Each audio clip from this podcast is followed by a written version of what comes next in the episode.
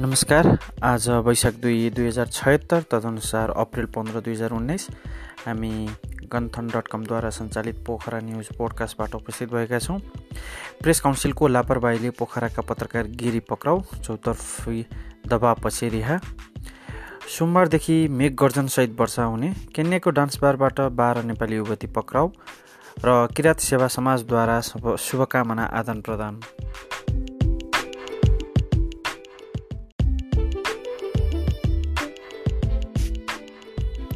ठगीको समाचार लेखेका कारण साइबर क्राइमको उजुरीमा पक्राउ परेका पोखराका पत्रकार अर्जुन घेरी रिहा भएका छन्।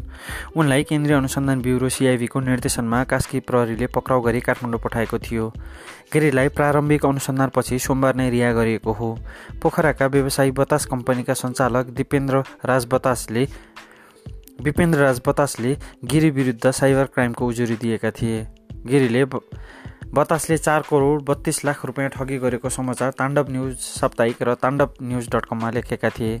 प्रेस काउन्सिलको गल्तीका कारण गिरीलाई पक्राउ गरिएको हो। अहिले काउन्सिलकै आग्रहमा गिरीलाई छोडिएको बताइएको छ।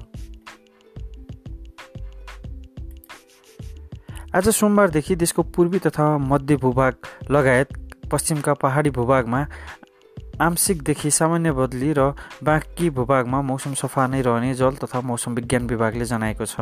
विभागका अनुसार आज देशको पूर्वी तथा मध्य भूभागका थोरै स्थान र पश्चिमी पहाडी भूभागका एक दुई स्थानमा मेघ गर्जनसहित हल्का वर्षाको सम्भावना रहेकोमा हल्का वर्षा भारी वर्षा नै रहेको थियो। मौसम विभागको तिन दिने पूर्व अनुमान घोषणा यहाँले गन्थन डट कममा पढ्न सक्नुहुन्छ। किन्नेको डान्स बारमा कार्यरत बाह्र नेपाली युवतीलाई प्रहरीले पक्राउ गरेको छ। नेपाली युवतीहरू काममा खटिएकै बेला प्रहरीले छापामारी पक्राउ गरेको हो। प्रहरीले डान्स बारका मालिक आसिफ जेथालाई पनि पक्राउ गरेको छ। स्थानीय प्रहरी अधिकारीले मानव तस्करको आशंकामा जेथामाथि अनुसन्धान गरिरहेको छ।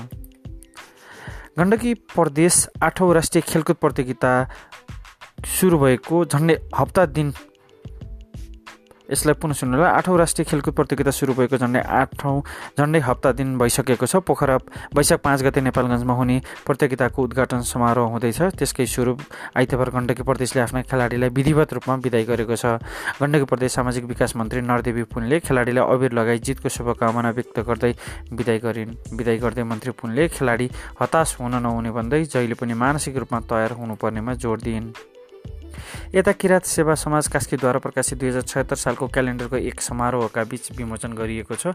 किराँत सेवा समाज कास्कीको भवनमा आयोजित कार्यक्रमका कार्यक्रममा संस्थाका वरिष्ठ संरक्षक डाक्टर लक्ष्मी प्रसाद राईले क्यालेन्डर विमोचन गर्दै किराँत सेवा समाजले नाम जस्तै काम पनि सफल गर्न नाम जस्तै काम गर्न पनि सफल भएको बताए।